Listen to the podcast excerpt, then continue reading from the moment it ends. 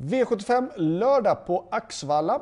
Axvalla med det långa, långa upploppet som är otroligt utslagsgivande och brukar kunna skrälla bra just på Axvalla under vintermånaderna framförallt ju. Uh, Axvalla hade ju dock uh, problem med sin bana. Det var väl på nyårsafton när de fick ställa in och flyttade till Halmstad.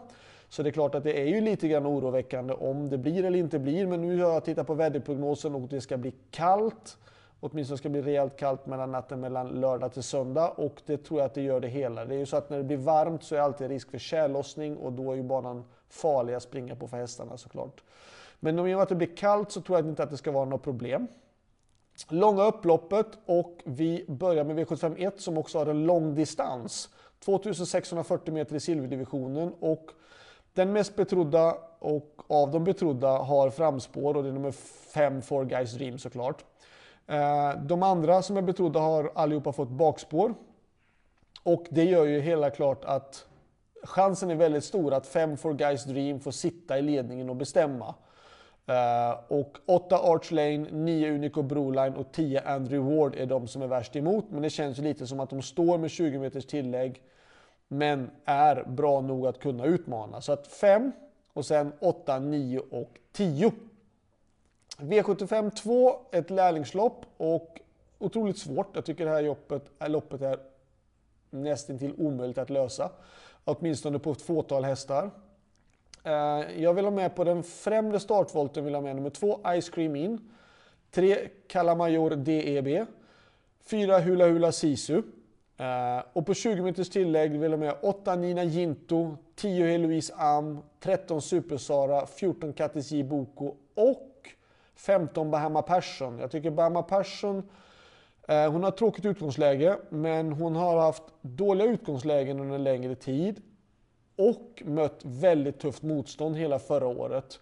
Eh, det är en jättefin häst och visst hon har tråkigt utgångsläge men vi vet att det kan skrälla på Axvalla rejält och eh, jag tycker självklart, eller jag tycker det måste jag ta med 15 Bahama Persson trots utgångsläget och de sista resultaten.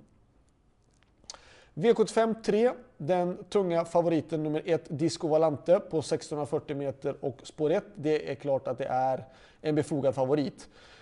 Eh, den här vintern har väl inte varit riktigt lika, den har inte varit dålig för Disco Valante men vi är vana att han bara radar upp segrarna på vintern och är jättebra. Den här vintern har varit lite si och så, han har också haft lite si och så med utgångslägena. Eh, och det är klart att det gör det hela mycket svårare. Men Ska man gardera Disco Valante då kommer det bli ett väldigt dyrt lopp för att det här, ja det är klart det är nummer sju Hazard Boko och där bakom kan i stort sett vem som helst vinna loppet. Jag tycker att man ska göra det enkelt. Jag tycker inte man ska försöka fälla en häst som har visat form, för det har han ju ändå gjort. Eh, trots att han lite otur senast. Eh, jag tycker inte man ska försöka fälla en häst som har form, är ute på rätt distans och har ett bra utgångsläge. Så jag tycker att man ska spika nummer 1 Disco Valante och värst emot är då nummer 7 Hazard Boko. V75 4, då blir det nummer 2 Pere Ebu, spik. Uh, rätt distans, bra spår, kusk med form. Uh, alltihopa, förutsättningarna är ju de rätta. Uh, sen att han har den värsta motståndaren precis bredvid sig gör det nästan bra skulle jag vilja säga. För att det är lättare att... När man kör från start är det alltid mycket lättare att svara en häst om den är precis bredvid.